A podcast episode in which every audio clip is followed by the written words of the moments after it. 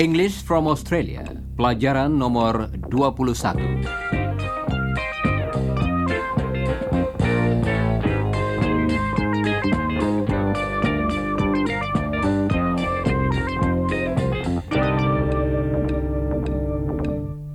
Halo saudara pendengar. Dalam kursus ini, kita telah berlatih memakai kata-kata seperti a, an, some, any. misalnya Uh, Chris has got a record player. An. And Don and Jane have got an old record player. Some. And they've got some records. Any.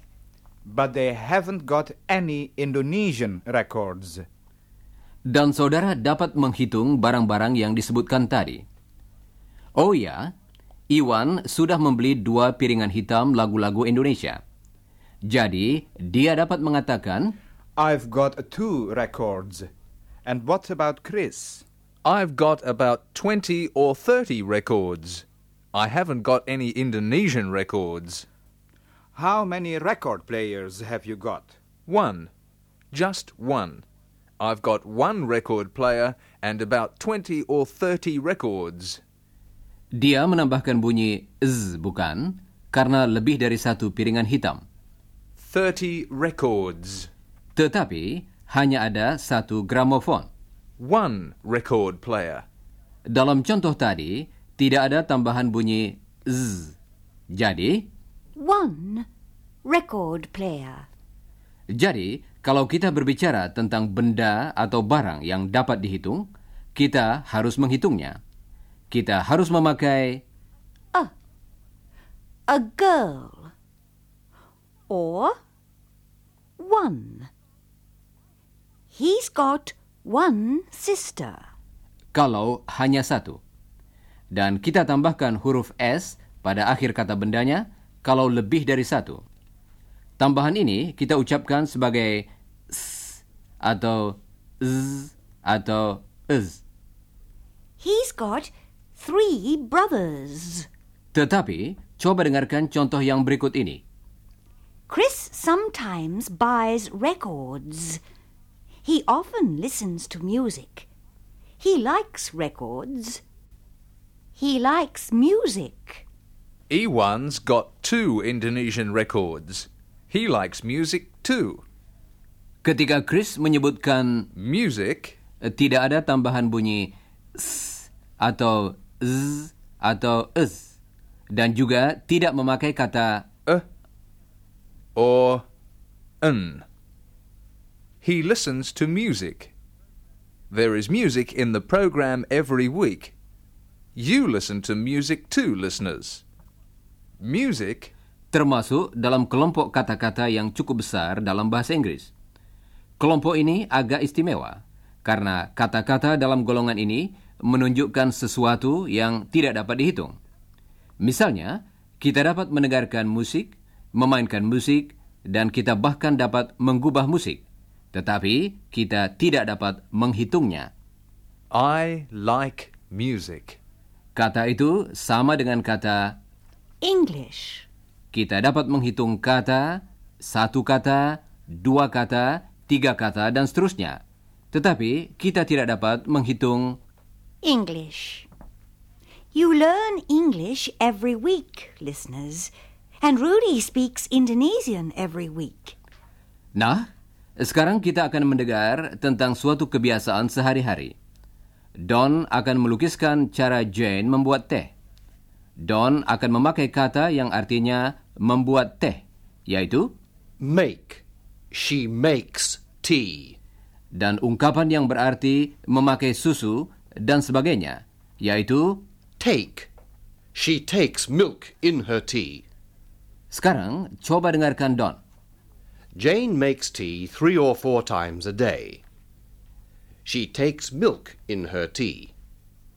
I take milk in my tea. She takes sugar And I take sugar in my tea too. Sekarang, Jane akan berbicara tentang Don. Dia akan memakai kata yang artinya limun, yaitu Lemonade. He drinks lemonade. dan kata yang berarti bir ialah Beer. He drinks beer. dan kata yang artinya air es yaitu Iced water. I drink iced water. coba dengarkan Jane. Don usually drinks tea. He sometimes drinks beer on hot days. I usually drink lemonade on hot days. Or iced water. Kata-kata tadi semuanya menunjukkan sesuatu yang tidak dapat kita hitung. Kita tidak dapat menghitung kopi dan tidak dapat menghitung susu. Tetapi kita dapat menghitung tempat susu, bukan? That's a milk jug. Dan kita tidak dapat menghitung teh. Tetapi cangkir teh dapat kita hitung.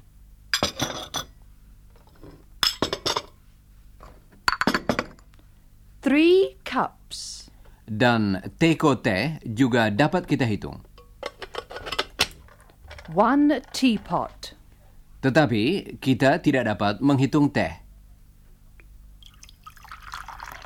Kita dapat menuang teh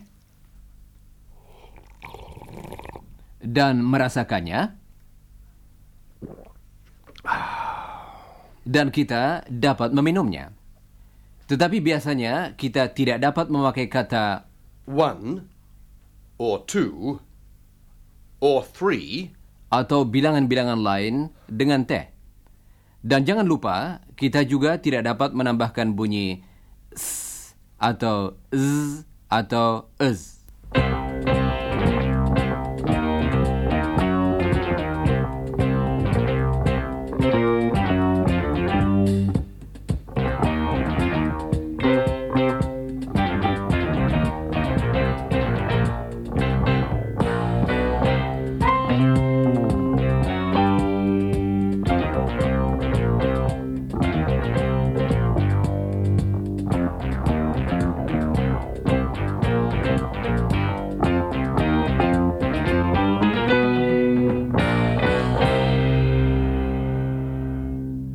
Saudara pendengar, mengenai sesuatu yang dapat dihitung, kalau ada lebih dari satu, kita dapat memakai kata some, bukankah begitu?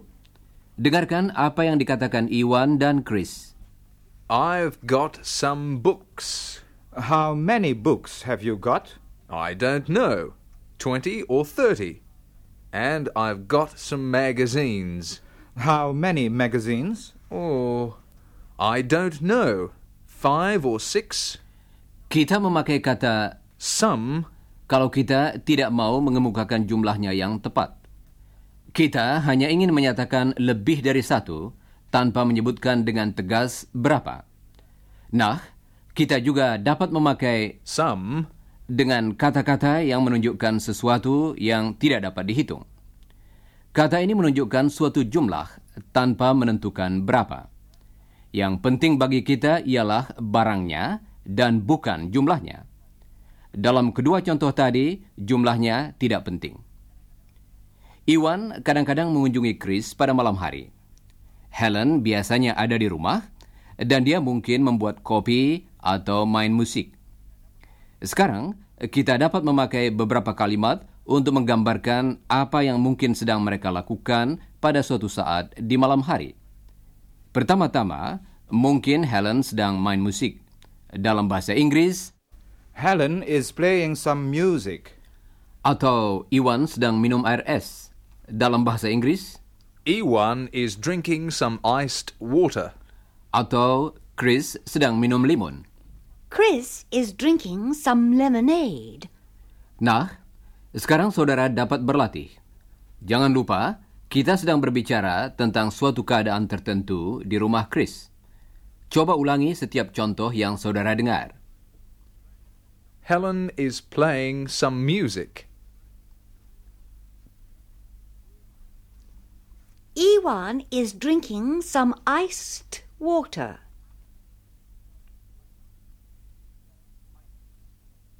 Baiklah. Sekarang kita akan berbicara lebih lanjut tentang keadaan di rumah Chris dan Helen. Kita akan memakai ungkapan There is. There's some ice cream. untuk menerangkan apa yang terdapat di tempat tersebut. Karena kata-kata yang dipakai tidak menunjukkan hal-hal yang dapat dihitung, dan karena tidak ada huruf S di belakangnya, kita tidak memakai bentuk kata kerja jamak. Coba dengarkan. There's some ice cream. There's some coffee. Dalam contoh tadi, kita memakai bentuk tunggal. There is. Berhati-hatilah dengan ucapannya. Ungkapan There is some. dalam percakapan sehari-hari diucapkan There's some. There's some coffee. There's some coffee. Coba ulangi sesudah Chris. There's some coffee. Sekarang coba beberapa contoh lagi. Siap, saudara-saudara? There's some ice cream. There's some coffee. There's some milk. Kita juga dapat memakai kata Any. dengan cara yang sama. Saudara sudah tahu bahwa kata Any. dapat mengganti kata Some. dalam pertanyaan, bukan?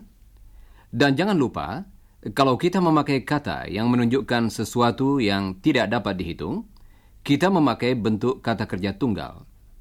Nah, Helen merasa kepanasan dan haus. Dia bertanya kepada Chris, Is there any iced water? Is there any iced water? Apakah saudara dapat mengenal bentuk pertanyaan tadi? Seperti dengan pertanyaan-pertanyaan lain, pertanyaan tadi dibentuk dengan mengubah susunan kata-katanya. Coba dengarkan. There is some. Menjadi Is there any? Is there any iced water? Coba dengarkan lagi apa yang dikatakan Helen dan ulangilah. Is there any iced water? Is there any iced water? Sekarang coba beberapa contoh lagi. Dengarkan dan ulangilah. Is there any lemonade? Is there any ice cream? Is there any coffee? Is there any iced water? Baiklah. Dan tentu saja kita juga dapat memakai Any? dalam kalimat menyangkal, bukan? There isn't any ice cream. There isn't any ice cream. Dan kita membentuk kalimat menyangkal dengan menambahkan singkatan kata not, yaitu and, pada kalimat yang bersangkutan. Coba dengarkan Chris lagi. There's some. Menjadi There isn't any. There isn't any ice cream. Dalam contoh tadi, kita juga memakai bentuk tunggal kata kerja karena kita tidak dapat menghitung barang yang disebutkan. Sekarang, coba beberapa contoh lagi. Ulangilah setiap kalimat sesudah Chris. There isn't any coffee. There isn't any lemonade. There isn't any iced water. There isn't any ice cream. Baiklah. Sekarang, coba saudara sendiri membuat kalimat menyangkalnya. Chris akan mengucapkan suatu kata, misalnya, Coffee. dan saudara hendaknya mengatakan, There isn't any coffee. Siap, saudara-saudara? Jangan lupa mengulangi kalimat yang betul sesudah saudara mendengarnya. Lemonade. There isn't any lemonade. Ice cream. There isn't any ice cream.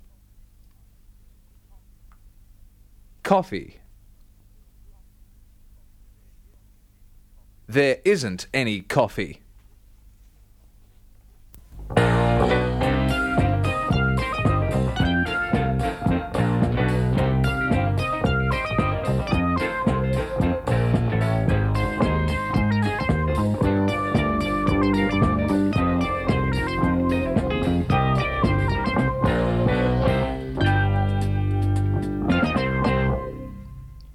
Saudara pendengar, sekarang kita akan mengadakan latihan lagi.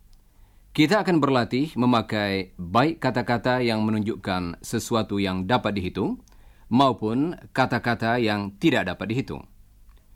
Oh ya, salah satu saran untuk membantu saudara mengetahui apakah sesuatu itu dapat dihitung ialah dengan bertanya pada diri sendiri, apakah saya dapat menggambarnya? Gambarlah teh misalnya. Sukar bukan? Kita dapat menggambar secangkir teh, tetapi bukan teh itu sendiri. Nah, coba dengarkan beberapa contoh dari Jane dan bertanyalah pada diri sendiri mengenai bentuknya. I've got a milk jug and some milk. I've got two glasses and some iced water. Baiklah. Sekarang coba dengarkan lagi dan ulangilah setiap contoh yang saudara dengar. Siap, saudara-saudara? I've got three biscuits and some coffee. I've got four cups and some tea. I've got a car and some petrol.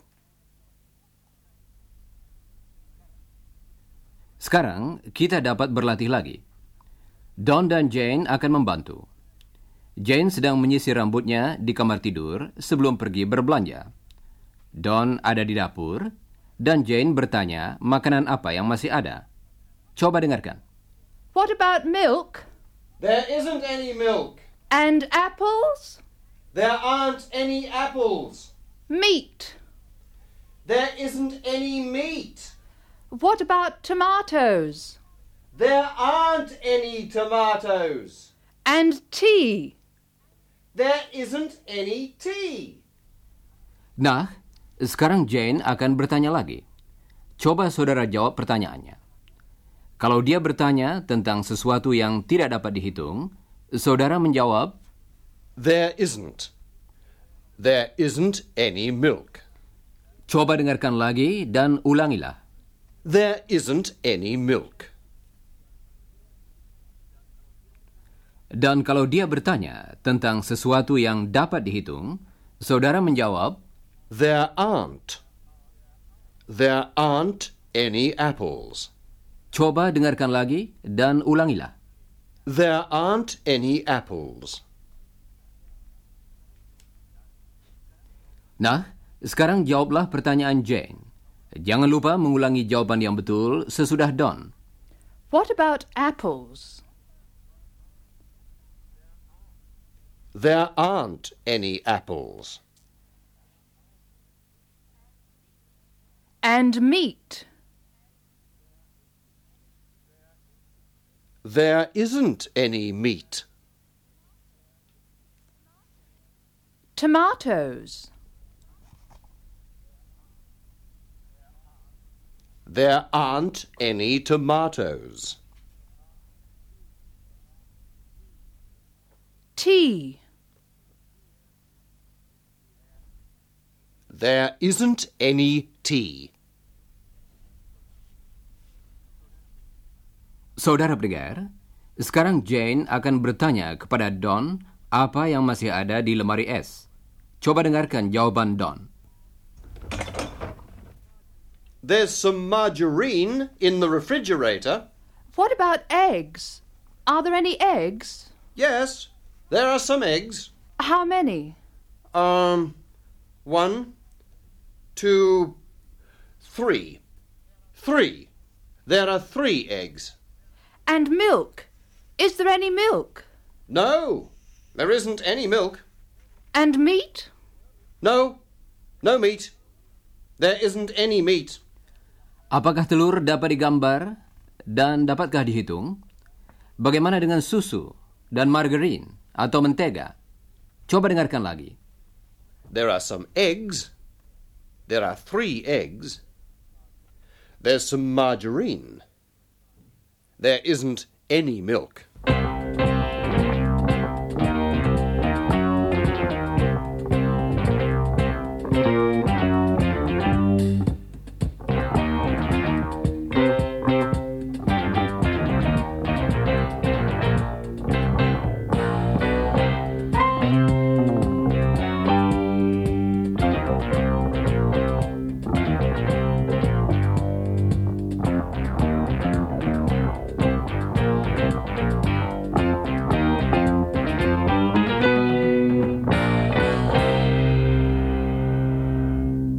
Saudara pendengar, makanan dalam bahasa Inggris ialah Food. Food. There's some food in the kitchen. dan kata ini termasuk kelompok kata yang menunjukkan sesuatu yang tidak dapat dihitung. Sekarang coba saudara bayangkan jenis-jenis makanan yang saudara ketahui.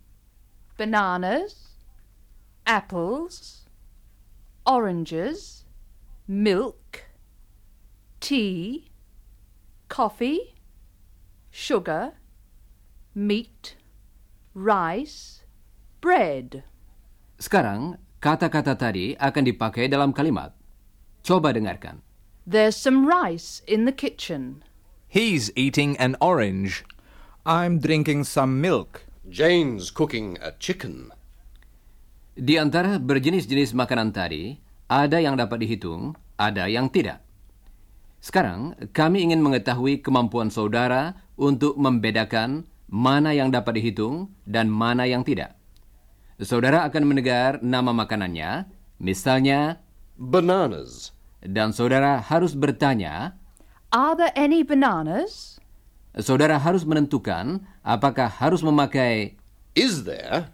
kalau jenis makanan itu tidak dapat dihitung, ataukah memakai Are there? Kalau jenis makanan yang disebut dapat dihitung.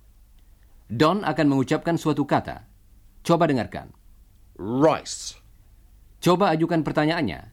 Dan ulangilah pertanyaan yang betul sesudah saudara mendengarnya. Is there any rice?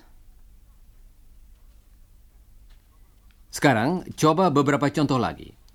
Jangan lupa mengulangi pertanyaan yang betul sesudah saudara mendengarnya. Coffee. Is there any coffee? Oranges.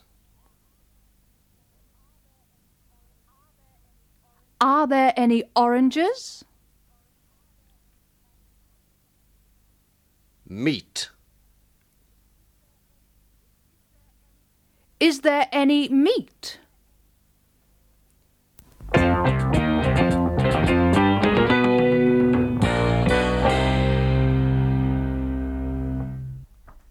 Saudara pendengar, sekarang mari kita coba suatu latihan yang mirip dengan yang baru saja saudara dengar tadi.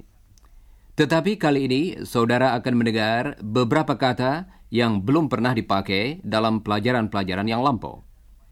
Dengarkan baik-baik bunyi s atau z pada akhir kata benda yang menjadikan kata itu jamak.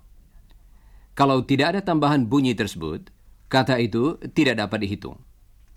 Coba, apakah saudara dapat memakai setiap kata yang saudara dengar itu dalam pertanyaan?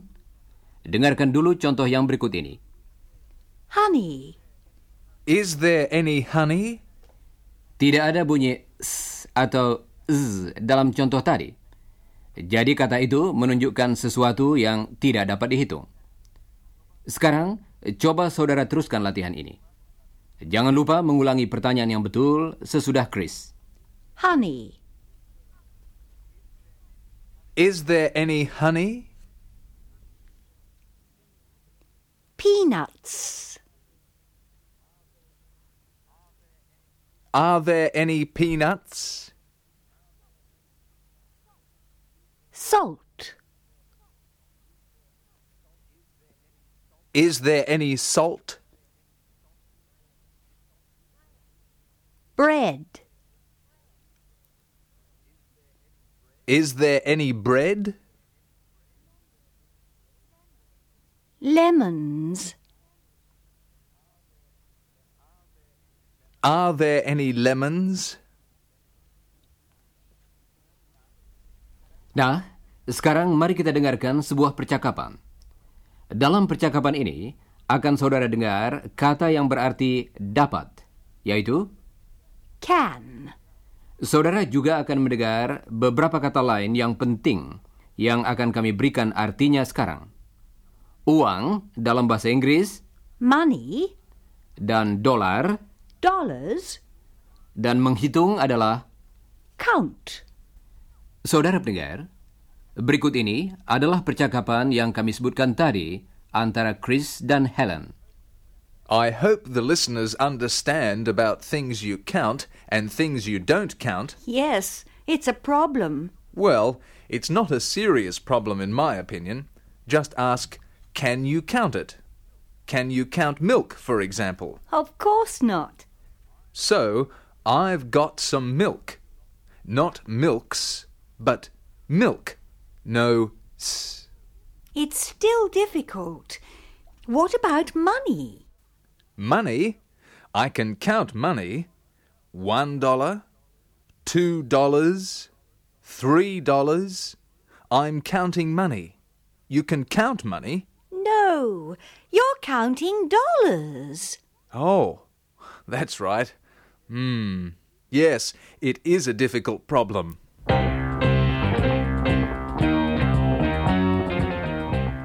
Nah, saudara pendengar, sudah saatnya bagi kami untuk minta diri. Jangan lupa membaca bagian yang berjudul Sesudah Siaran dari pelajaran 21 tadi.